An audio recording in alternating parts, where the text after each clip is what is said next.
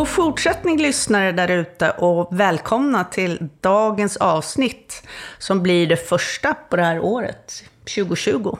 Och välkommen Leine Persson. Du ska idag dela med dig av din patienthistoria. Men innan du får göra så, så tänkte jag och Ragnhild dela med oss om vad som händer i våra liv nu för tiden och vad som har hänt sedan förra avsnittet. Ragnhild, du kan väl börja? Ja, det har ju varit jul och den har varit härlig. Jag har fått vara med hela min storfamilj i Småland en hel vecka. Vi var mellan 10-15 personer hela tiden, så det var mycket mat och planering. Men jättekul. Sen eh, ringde min eh, onkolog precis innan jul och berättade att en liten tumör hade börjat växa och eh, förmodligen skulle den då precisionsstrålas. Men det fick jag inte reda på förrän efter jul att så är fallet eftersom det var aktivitet i den här eh, tumören i lungan. Men det positiva var att inget annat syns, alltså skelettmetastaserna syns inte längre. Det är ju helt fantastiskt. Och eh, så att jag går och väntar lite nu på besked när jag ska börja. Det ska ju förberedas och sådär, så att det tar väl några veckor. Men eh, Först ska jag fylla 60, så det är det jag siktar in mig på nu. Jag ska ha en stor fest. Och, ja, det och en stor fest på tema 70-tal 70-tal. Alla ska vara utklädda och det ska vara jätteroligt att fira ordentligt. Så att jag hoppas att den här strålningen blir efter. Ja, men eh, du Jan då, hur går det för dig? Ja, man kan väl säga att min jul var ju nästan motsatsen till din. Jag tillbringade mesta tiden på landet tillsammans med min mamma. Vi ska ju sälja landet, så passa på här, sista julen. Eh, jag hade egentligen hoppats på att kunna resa utomlands för att få lite solljus och värme. Men tyvärr så har jag också fått Eh, negativa besked och eh, jag har förmodligen nya metastaser i höften eh, och haft mycket ont i höften. Så imorgon faktiskt så ska jag strålas och eh, det är en omgång. I somras strålade jag i tre omgångar mot levern. Så jag hoppas på att det här ska vara lite mindre biverkningar. Och sen så är det också dags för uppföljning igen. Så imorgon ska jag även eh, kolla hjärnan. Mm. MR. Och i nästa vecka så blir det PET-CT. Så jag får väl uppdatera lite mer om hur allt det har gått i nästa avsnitt och även strålningen. Men nu nog om oss och över till dig Leine. Vem är du? Jag är Leine Persson Johansson. Eh, 50 år fyllde jag i somras. Vilket jag inte hade trott att jag skulle få göra och hade en stor fest mm. med hundra pers. Ja. Eh, jag är gift med Mattias. Eh, eh, och vi har två adopterade barn som var fem och sex när vi adopterade dem 2010. Vi bor i en liten by som heter Sexdrega. Tre mil söder om Borås. Vi har en liten gård och lite får och barnen har nio kaniner och Oj. katten Måns. Eh, och jag jobbar eh, på Postnord som elansvarig men är sjukskriven. Men du är otroligt aktiv i olika lungcancersammanhang och på något som heter Kraftens hus i, i Borås. Ja, precis. Eh, en mötesplats för cancerberörda. Och att vara engagerad har varit det som har drivit mig att orka eh, ja, och leva vidare och träffa andra i samma situation har betytt oerhört mycket för mig. Ja, och nu har du snart levt med din lungcancerdiagnos i sex och ett halvt år. Du fick eh, besked 2013. Om vi tar det från början, hur såg din resa ut fram till diagnos? Så här i efterhand så kan jag ju säga att jag hade redan besvär 2012. Hade ont i bröstet på höger sida och gick till vårdcentralen och de sa att nej men du är nog bara stressad. Eh, och blev hemskickad och den hösten hade jag en förkylning som aldrig gick över. Eh, ja, sen klingade den väl ändå av fram i kanske mars, april. Eh, och sen eh, fram i maj så hade jag jätteont i nacken och gick till naprapaten och så här då. Och eh, sommaren där när, när jag var på jobbet så jag var så vansinnigt trött. Så fort jag hade varit ute och gjort något eljobb och kom in till mitt kontor och satte mig så kändes det som jag var helt färdig, bara flöt ut på stolen. Orkade inte göra så mycket mer den dagen. Eh, så hur gick det till eh, när du fick lungröntgen? Fick du tjata om... Nej, utan min brorsdotter skulle gifta sig den 31, eller gifte sig den 31 augusti 2013. Och jag satt vid datorn och skulle skriva ett presentkort och så la jag upp handen på vänster axel. Och då kände jag, det kändes konstigt. Då hade jag en knytnävestor bula på Oj. halsen. Den dagen hann jag inte googla så mycket utan vi gick på bröllop och på söndagen efter så började jag googla och förstod att det här var inte bra. När det bara satt på vänster sida över, eh, eller ja, på axeln så. Så på måndag ringde jag till vårdcentralen, fick komma dit och där sa man att men du har infektion i dina körtlar, du ska äta antibiotika. Och jag, jag själv visste redan liksom att det, det var värre än så. Ja. Så jag sa, ja, uttryckte min oro, men att eh, han skrev ut antibiotika. Så frågade läkaren, ska du inte ens eh, ta några blodprov? Och det kan vi ju göra, sa han. Och då var CRP 5, så alltså var det ju ingen infektion. Men jag fick gå hem med antibiotika. Mm. Och jag sov inte på hela den veckan, för ja, jag visste ju att ja, det var något illa så. Och så ringde jag tillbaka till vårdcentralen eh, ja, först, först en gång och så sa de att du får avvakta. Så ringde jag tillbaka i, på fredagen igen och så sa de sa att ni måste skicka mig vidare nu. Och då skickade de så att jag kom till akuten. Där fick jag träffa en medicinläkare och han förstod nog hur illa det var och skickade upp mig till eh, ultraljud. Och så sa han du får komma tillbaka imorgon så ska vi sticka i köttlarna då.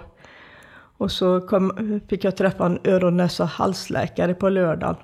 Och så sa han, eh, vi gör inte, tar inte sådana här prover på lördagar för vi kan inte skicka det någonstans. Och så frågade han mig, har du en snäll man? sa han. ja, sa jag, det har jag. Be honom att vara ännu snällare då, för det här är någonting malignt, det ser inte så bra ut, sa han. Sen fick jag komma tillbaka på måndagen då de stack i det. Och så tog det en vecka till och så ringde, ringde en sköterska och sa att eh, doktorn vill träffa dig, du får ta med dig en anhörig. Och så fick jag träffa en öron, näsa, halsläkare igen då. Så, eh, så sa hon att ja, du har elakartade celler i dina lymfkörtlar då. Eh, vi kommer skicka dig vidare till lungkliniken för vi tror kanske att det är lungcancer men vi vet inte. Och det var lungkliniken var någonstans? Södra Älvsborgs sjukhus, Borås. Och där släppte de mig.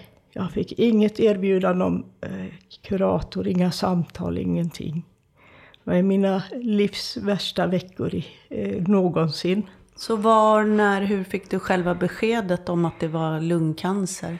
Eh, det fick jag på lungkliniken eh, fyra veckor senare. Och då fick jag träffa en burdus läkare som sa att det här fixar vi och det här är fan ingenting och så här då. Och gick på och så antingen strålar vi eller så eh, cystostatika eller så opererar vi eller alltihopa. Och hur, hur reagerade du när du fick beskedet? Jag hade ju aldrig trott att det skulle vara lungcancer. Det, det fanns inte i min värld. Du har inte rökt? Nej, det har jag inte. Min mamma har haft lungcancer. Eh, hon opererade idag frisk. Oj. När var detta? 2010. Eh, Hur löd då din slutgiltiga diagnos? Eh, jag, jag, fick börja med cystostatika innan jag fick reda på allt så. För man ville komma igång och stoppa mm. det då. Eh, det man visste var att det var icke småcellig adenokarcinom. Eh, när jag fick min andra cystostatika så fick, vi, fick jag reda på att jag hade en EGFR-mutation.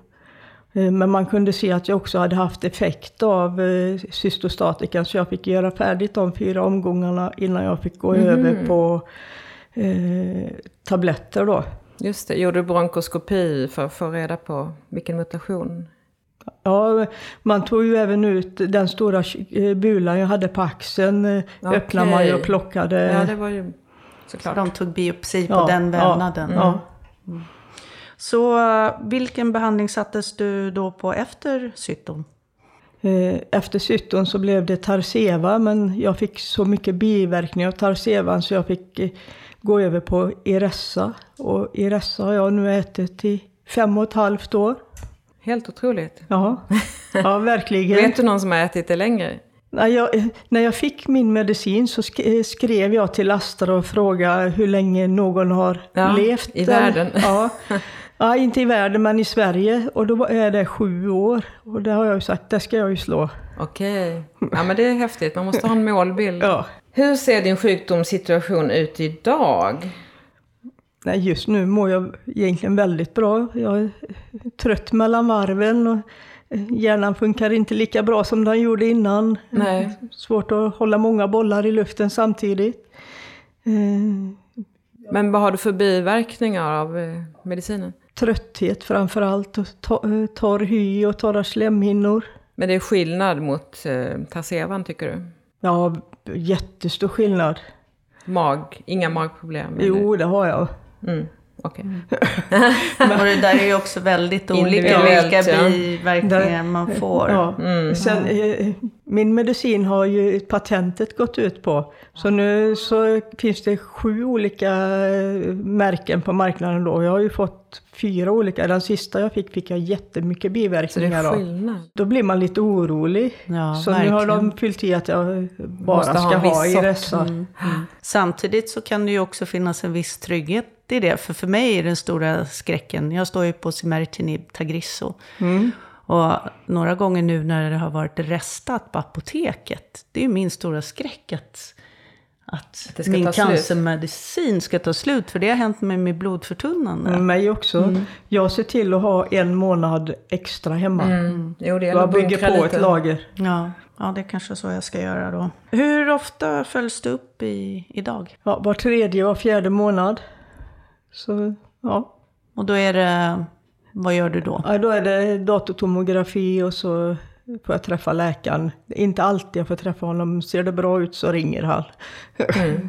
Ja, det går ju lika bra. Och vilket sjukhus tillhör du? Eh, SÄS, Södra Älvsborgs sjukhus, Borås. Om vi går tillbaks när du fick eh, reda på att du hade lungcancer. Eh, hur berättade du för din omgivning? Gjorde du det med detsamma eller väntade du? Nej, jag gjorde det med detsamma. Eh, och givetvis först för, ja min man var ju med när jag fick, eh, och sen våra barn och mina föräldrar. Eh, min pappa stod hemma på gården när vi kom hem efter vi hade fått beskedet eh, så. Jag skrev till alla vänner att ja, jag är troende och jag behövde förbön. Mm, du ville berätta. Ja. Sen kände jag att jag kunde inte gå till affären efteråt. Så, för alla visste ju på något vis hur det var. Hur märktes det då?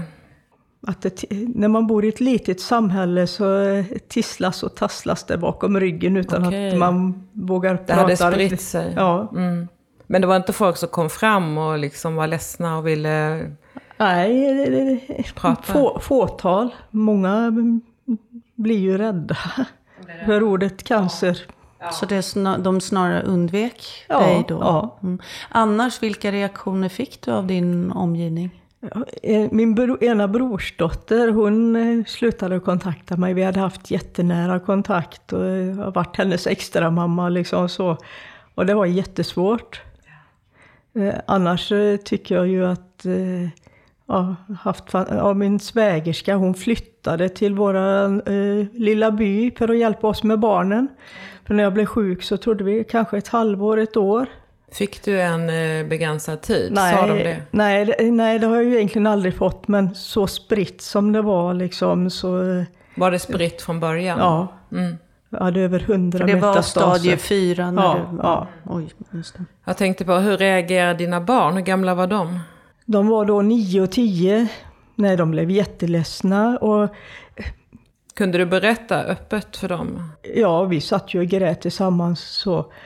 Och ja, de är ju adopterade då, så, så re, ja, mot dem så har det känts fruktansvärt orättvist. De behövde verkligen inte detta också. Kan du säga då att ditt kontaktnät, har det förändrats sedan du eh, fick din cancerdiagnos? Ja, väldigt mycket tycker jag så. Eh, vissa kompisar har försvunnit och andra kompisar har kommit närmare. Människor som man kanske inte var så nära vän med har klivit fram och tagit eh, ja, en roll som man kanske inte trodde. Familjen överhuvudtaget, eh, att vi har en mycket tätare och eh, mer kärleksfull kontakt så. Vilket stöd har du idag i din omgivning i din sjukdom? Mina föräldrar, eller framförallt min man, han är outstanding. Eh, förra året när vi märkte att jag började må lite bättre, då gick han i väggen. Men han har väl hämtat sig det mesta utifrån det. Och så min svägerska då som faktiskt flyttade till våran by. Våra barn sover hos henne en dag i veckan. Och så vi, vi har det jättebra. Och, ja, vad skönt. och vänner som hjälpte oss att tapetsera och göra ordning i ett rum åt oss när jag var som mest sjuk. När vi var mitt uppe i en renovering av vårat hus då. Okej. Ja, det är sånt man vill höra, att det finns vänner som ställer upp.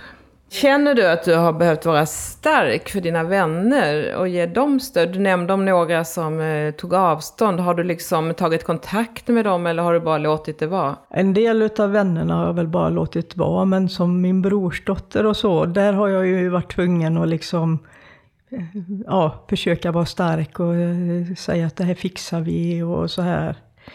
Och ibland gentemot min mamma kan jag väl känna att jag behöver vara stark. Så. Hur gammal är din mamma? Eh, hon är 74. Hur är det då, jag tänker din man, han gick i väggen sa du. Känner du att du behöver vara stark för honom också? Nej, men det finns saker som vi inte kan beröra så mycket. Eh, vi kan inte prata om om jag inte skulle överleva. För det finns inte på något vis så. Har ni då fått något stöd eh, av vården? Jag har fått, men han har aldrig blivit erbjuden någonting. Och han har ändå varit med på läkarbesök och så. Det är aldrig någon som har frågat, behöver du någonting? Och det är någonting som man tycker borde ju vara ja, egentligen en ja, självklarhet. Verkligen. Om vi, om vi ser till då det, det praktiska kring, kring din själva sjukdom. Sköter du det själv? Att du eh, får dina kallelser i tid och att, eh, att eh, infinna dig på uppföljningar, vad kan det vara, ja. blodprover. Det är ju ett litet projekt, ja, upplever ja. jag det som, att vara... Jag tycker det var mycket, mycket värre precis i början, för då kände jag att jag var tvungen att ligga på och driva allt sånt själv. Eh, nu tycker jag att det funkar ganska bra. Eh, och att jag får, får eh, tider utan några större problem. Så jag tror att det är en fördel att tillhöra ett litet sjukhus, faktiskt. Och följer din man fortfarande med dig på uppföljningarna eller går du själv? För det mesta går jag själv nu för tiden. För jag, nej, jag är så pass stark känner jag nu att eh, jag skulle klara även om det skulle ha tillkommit något. Alaine, du berättade tidigare att du är troende, precis som jag. Har du upplevt att det har varit ett stöd för dig genom sjukdomen, både före och efter diagnos? Ja, absolut. Jättestor. Ja, ja. Sjukhuskyrkan var min räddning den första tiden.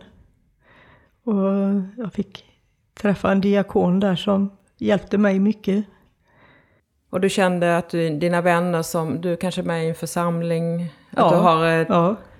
Människor som kan be för dig? Och... Ja, alltså vi hade, eh, de anordnade en förbönsdag där de fastade och bad för mig Otroligt. i flera timmar. Ja, fantastiskt. Eh, så.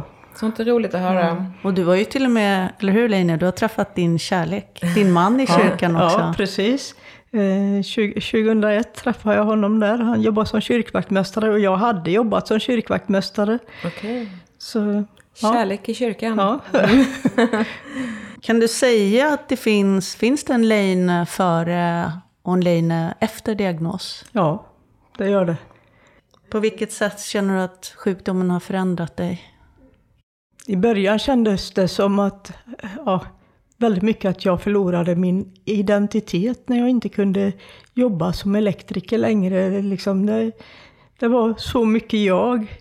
Eh, och nu har jag fått ett nytt jag där eh, jag kan vara med och påverka och försöka hjälpa andra som är i samma situation. Jag kände mig oerhört ensam när jag blev sjuk och önskar att ingen ska behöva känna sig så ensam. Och nu är du en del av något större. Och det ja. arbete du gör för, för oss andra är fantastiskt. Ja, verkligen. Jo, men jag gör det ju också för mig själv. Liksom, för, Man mår ju bättre ja. själv av att ha något att göra också. Ja. Mm. Känner du att du prioriterar annorlunda idag än innan du fick din cancerdiagnos? Ja, betydligt mycket mer så. På vilket sätt då? Familjen, eh, jobbet eh, och ja, allting sånt får komma i andra hand. Och barnen måste komma i första hand. Eh, vi försöker ta vara på alla tillfällen vi kan och fira. Om det så bara är våran katts födelsedag så kan vi fira det med pizza. Härligt. Hur kan en dag se ut för dig? Kan du ge ett exempel? En bra dag då åker jag till Kraftens hus och är där några timmar. Och kanske att eh, bad på rehabbadet eh, i Borås. Jag brukar försöka vara där två dagar i veckan. Är det organiserad vattengymnastik eller simmar du? Eller? En, en av dagarna är organiserad vattengymnastik och en dag är det avslappning i bassängen. Helt fantastiskt Vad härligt. 34-gradigt vatten. Åh, oh, vad skönt. Eh, Sen lever lite varannan dag. Man eh, gör mycket saker en dag så får man eh, ta det lugnt nästa Bakslag dag. Bakslag nästa ja. dag. Jag kan känna så ibland. Det är att jag blir så glad när jag har så mycket energi och då tar jag i. Sen så dagen efter, då känner jag ungefär som det är dagen efter en, en stor fest. Ja. Jag köpte en minigrävare för lite försäkringspengar jag fick. Eh, och, och vad är minigrävare? Alltså en grävmaskin. Grävskopa. Ja, en grävskopa, ja. Och den är ju jätterolig att sitta och gräva på ute på åkrarna och så. Oh. som, att sitta som terapi? I, ja, som att sitta i sandlådan på nytt. Ja, och där kan jag ju bli sittande och så min man på nu måste du sluta, du kommer inte orka annars. Vad härligt. Så din vardag skiljer sig ganska mycket nu ja, jämfört det gör med innan? Mm. Från att ha jobbat med elkraft så jobbar jag med fysisk kraft på något vis. Mm, med kraftens hus. Ja. Precis, det har med kraft att göra. Men när det är jobbigt Leine, vad gör du då? Har du något tips?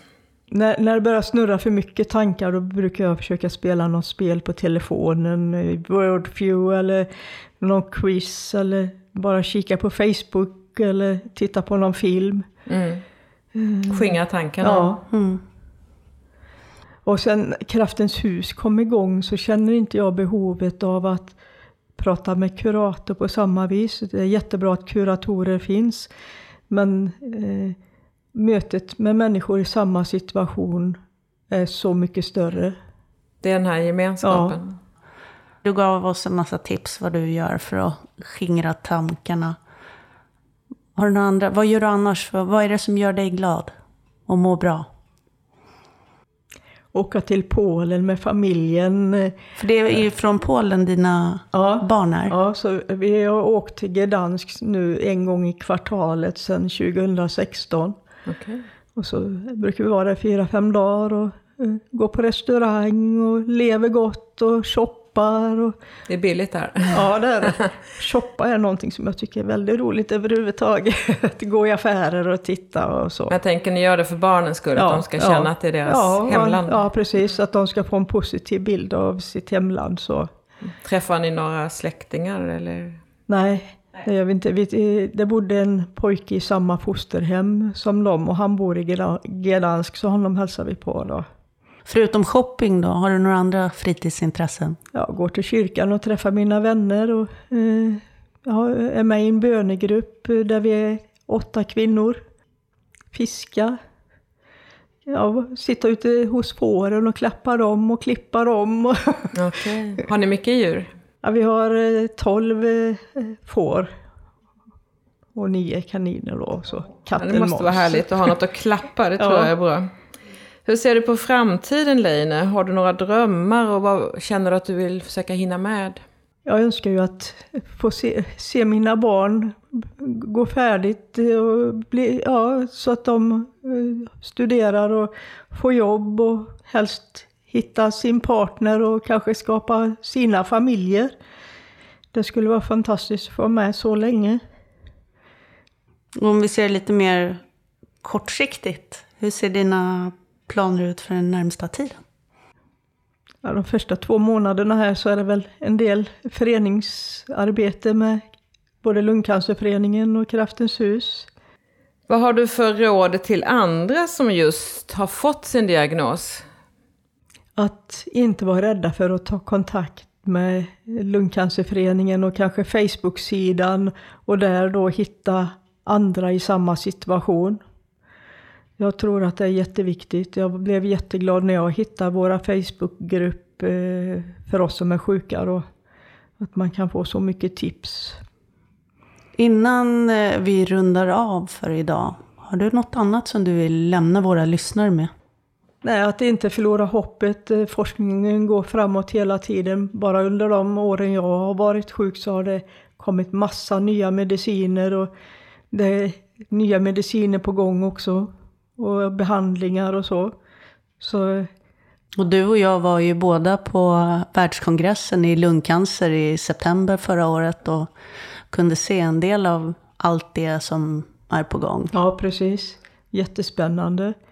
Var inte rädda, rädd heller för att engagera sig för det, det ger mer kraft än det tar faktiskt. Och det behövs. Ja. Och det ger, som du säger, Ja. det ger också väldigt mycket. Ja, Stort tack Leine för att du kom och gästade oss i Stockholm här och delade med dig av din patientberättelse. Det lyser mycket kraft kring dig. Det är härligt att se och höra. Och tack Taylor för hjälp med inspelningen idag. Och ni lyssnare där ute, om ni önskar att vi ska ta upp något särskilt ämne här i podden så är vi jätteglada om ni mejlar oss förslag på info lungcancerpodden.se. På återhörande och ha det så fint. Hej då! Hej då! Tack för att du lyssnade på Lungcancerpodden med Jan och Ragnhild. De senaste avsnitten hittar du alltid på lungcancerpodden.se eller i din podcast-app.